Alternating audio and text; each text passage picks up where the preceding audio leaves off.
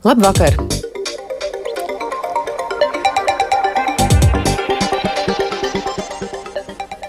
Ir seši vakarā, studijā ar dienas ziņām Sanita Kārkliņa, un vispirms ies, ieskats tajā, ko vēstīsim. Ukrainā notiek atvadīšanās no helikoptera katastrofā bojā gājušajiem. Valsts prezidents šodien apmeklēja plūdus kārto Jēkapili un Pļaviņas, bet lasītāju vidū arvien lielāku popularitāti iemanto e-bibliotēka. Par šiem un citiem tematiem plašāk ziņu turpinājumā.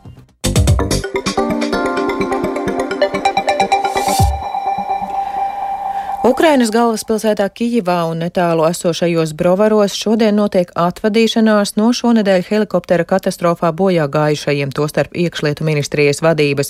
Kopumā katastrofā dzīvību zaudēja 14 cilvēki. Tikmēr Vācijas virzienā turpinās kritika par kavēšanos ar Leopardu tanku piegādēm Ukrainai. Savukārt pašā Ukrainā mediji atklājuši iespējamu nesēmniecisku rīcību, iepērkot karavīriem domātos pārtikas produktus par ievērojami paaugstinātu cenu. Vairāk par Ukrainas aktualitātēm stāsta Uģis Lībietis. Pēc tam, kad vakar Vācijā notikušajās Rietumvalstu aizsardzības ministru sarunās tika panākta vienošanās par kārtējo militāro palīdzību Ukrainai, turpina izskanēt dažādi viedokļi par to, cik šāda palīdzība ir nozīmīga, kā tā vērtējama un kā vērtēt Vācijas lēmumu tomēr pagaidām neatļaut Leopardu tanku piegādes Ukrainai. Ukrainas puse atzīst, ka kopumā ir apmierināta ar Ramsteins rezultātiem, piebilstot, ka daļa no informācijas par militārajām piegādēm ir slepena. Ukrainas prezidenta padomnieks Mihailo Podoļaks gan norādījis, ka Vācijas neizlēmība un kavēšanās tomēr nozīmē jaunus ukraiņu upurus ikdienu. Vakar vairākās Eiropas pilsētās, tostarp arī Viļņā un arī pašā Vācijas galvaspilsētā Berlīnē, notikuši protesti, aicinot Vācijas valdību rīkoties izlēmīgāk. Arī trīs Baltijas valstu ārlietu ministri kopīgā paziņojumā ir kritizējuši Vāciju, norādot, ka tai kā Eiropas vadošajai lielvarai ir īpašs pienākums rūpēties par miera atjaunošanu Eiropā. Kamēr Ukrainas un sabiedroto uzmanība ir pievērsta Vācijai, Krievija ir paziņojusi, ka tās spēki ir sākuši uzbrukuma operāciju Zaporižas reģionā, kur fronte faktiski bija iesaldēta vairākus mēnešus. Krievijas puse apgalvo, ka tā ir ieņēmusi daudz labākas pozīcijas. Vienlaikus Krievijas aizsardzības ministrija paziņoja, ka Maskavas reģionā tā ir sarīkojusi gaisa uzbrukuma atvairīšanas mācības. Ārvalstu militārie komentētāji ir pārliecināti, ka šādas mācības, kombinācijā ar pretraķešu aizsardzības sistēmu parādīšanos uz Maskavas ēku jumtiem, liecina par to, ka Krievija informatīvajā karā gatavojas kārtīgi reizi aktualizēt jautājumus par Ukrainas potenciālo bīstamību. Bet tikmēr Krievijas privātās militārās organizācijas Wagner grupu vadītājs Jevgeņijs Prigožins ir piesaistījis uzmanību ar vēstuli ASV Baltānam nacionālās drošības koordinatoram Džonam Kērbijam, kur aicina paskaidrot, kādus tieši noziegumus ir pastrādājis grupējums Wagner. Vēstule ir tieši viena teikuma gara, un tā nosūtīta dienu pēc tam, kad Amerikas Savienotās valsts izlēma pasludināt Wagneru par transnacionālu noziedzīgu grupējumu, pielīdzinot to Itālijas mafijai vai Japānas jakūdzām. Tikmēr Ukrainas mēdīju rīcībā ir nonākusi informācija, ka Ukrainas aizsardzības ministrija produktus karavīriem iepērk par divas līdz trīs reizes augstāku cenu nekā veikalos. Izdevuma Zerklo nedēļa rīcībā ir nonākuši dokumenti par decembra beigās noslēgtu pārtikas iepirkumu par vairāk nekā 13 miljārdiem grivnu, jeb vairāk nekā 32 miljoniem eiro. Izdevums norāda, ka šis ir salīdzinājums ar veikalu cenām, bet vairumtirdzniecības cenām būtu jābūt vēl zemākām. Vienlaikus žurnālisti atklājuši, ka uzņēmumam, ar kuru noslēgts līgums par produktu piegādēm, savulaik ir anulēts PVN maksātāja status, un tas ticis apsūdzēts arī par viltotu dokumentu iesniegšanu. Vienošanos ministrijas vārdā decembrī ir parakstījis valsts iepirkuma departamenta direktors Bogdāns Hmeļņickis, kurš ir iesaistīts izmeklēšanā arī par 580 tūkstošu dolāru izsaimniekošanu munīcijas iepirkumos. Ukrainas aizsardzības ministrija šādu informāciju pagaidām nav komentējusi. Uģis Lībijams, Latvijas Radio. Pirms neilga brīža esam saņēmuši informāciju, ka iespējamā pārtikas produktu iepirkumu skandāla dēļ Ukrainas aizsardzības ministrijas vadība ir izsaukta uz paskaidrojumu sniegšanu parlamentā jeb augstākajā radā.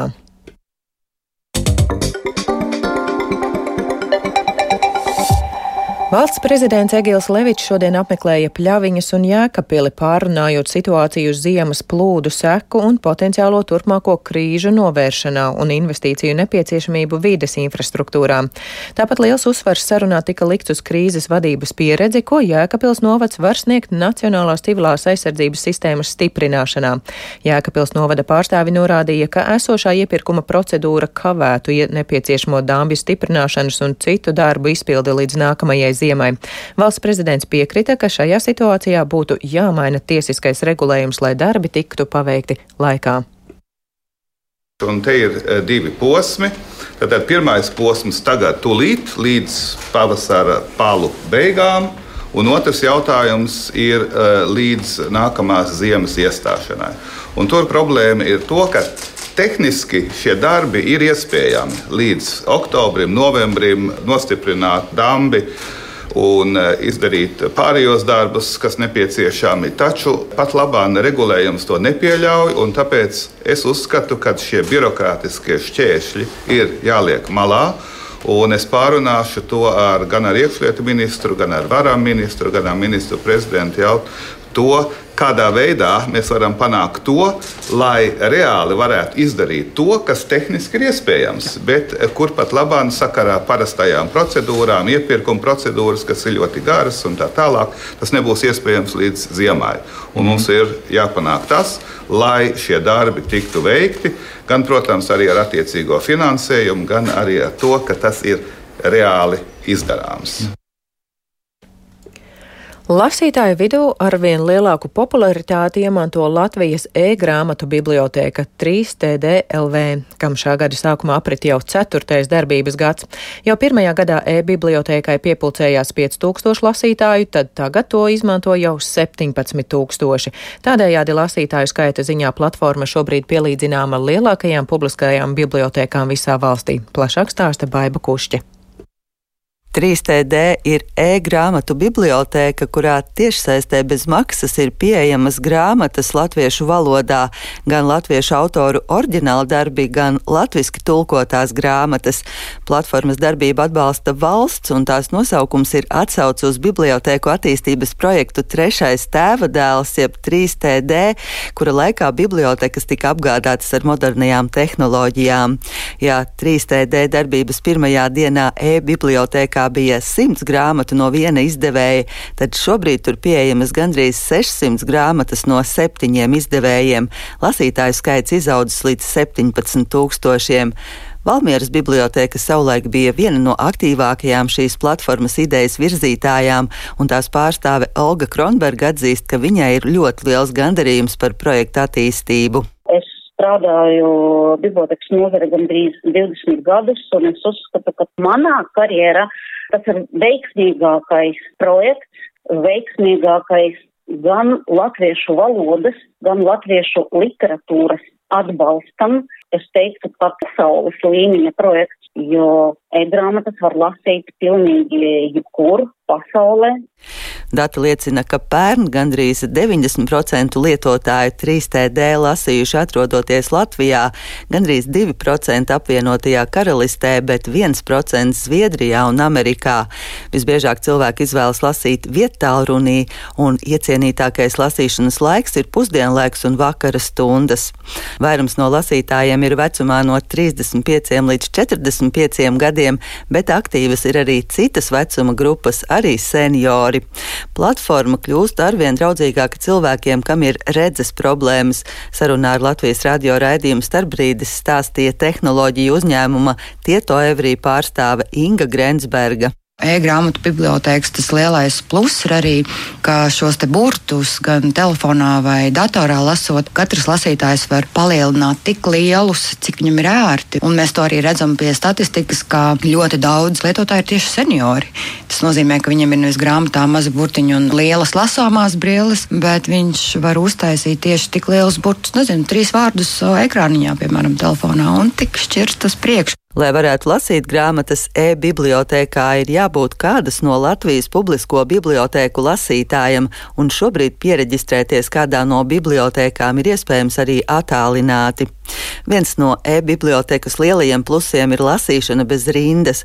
Piemēram, nesen e-bibliotekai pievienoto pasaules slaveno grāmatu, kuru vēži dzied, šobrīd lasa 28 cilvēki vienlaicīgi, bet pati populārākā šobrīd ir grāmata Nefrīta kaķis, ko vienlaicīgi lasa aptuveni 60 cilvēku. Baiba Kušķe, Latvijas radio.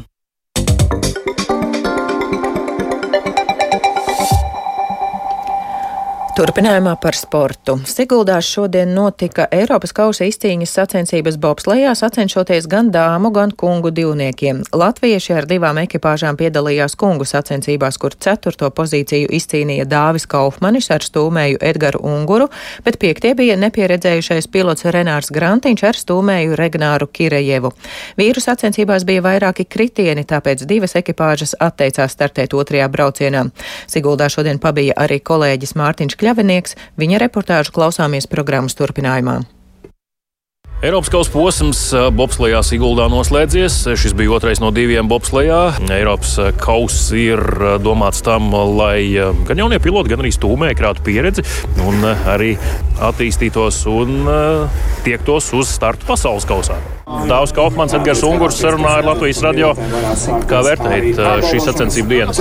Dāvs, sāksim ar tevi. Esmu šobrīd ar traumu. Viss tas sildīšanās un sacensību process notiek arī zem pretsāpju līdzekļiem. Un, un, tas nav tas, ko gribētos, lai sanāk. Un, jā, arī trasē, kā jau visu manī ir ar kādas kļūdas. Nebūtu trauma, varbūt viss būtu savādāk, bet kā būtu, ja būtu. Edgars, kā tu vērtē? Es teiktu, ir tāda daļai patīkama padarīt darba sajūta. Darbs ir ieguldīts, trešā, ceturtā vieta nav slikta. Protams, ja būtu starts, nebūtu dāvis satraumējies, mēs būtu daudz konkurēt spējīgāki starta ieskrējienā. Lūdzu, visiem Andrija startam gatavojas Renārs ar Regnāru.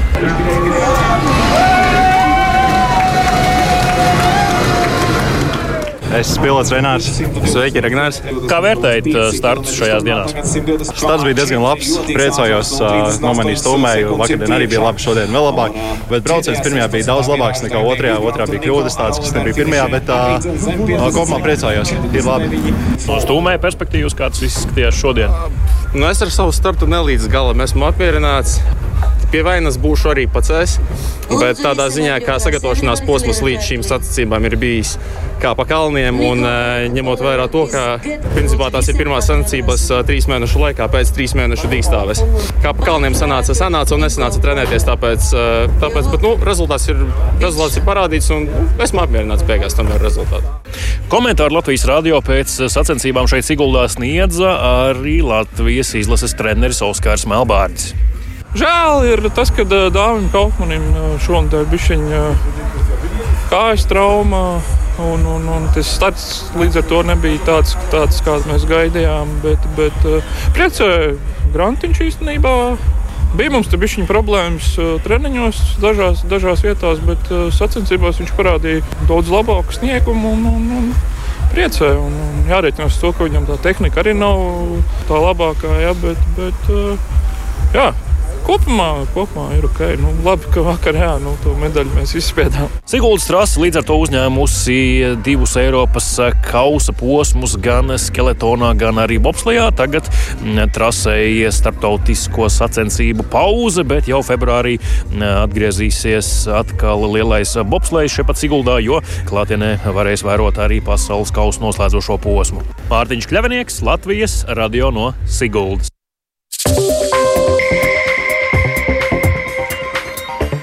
Ar to izskan dienas ziņas sešos vakarā producente Aiga Pelana ierakstus montēja Uldis Grīnbergs pie skaņu pulca Rita Karneča, bet studijā Sanita Kārkliņa. Un vēlreiz īsumā par šodien svarīgāko. Ukrainā notiek atvadīšanās no helikoptera katastrofā bojā gājušajiem.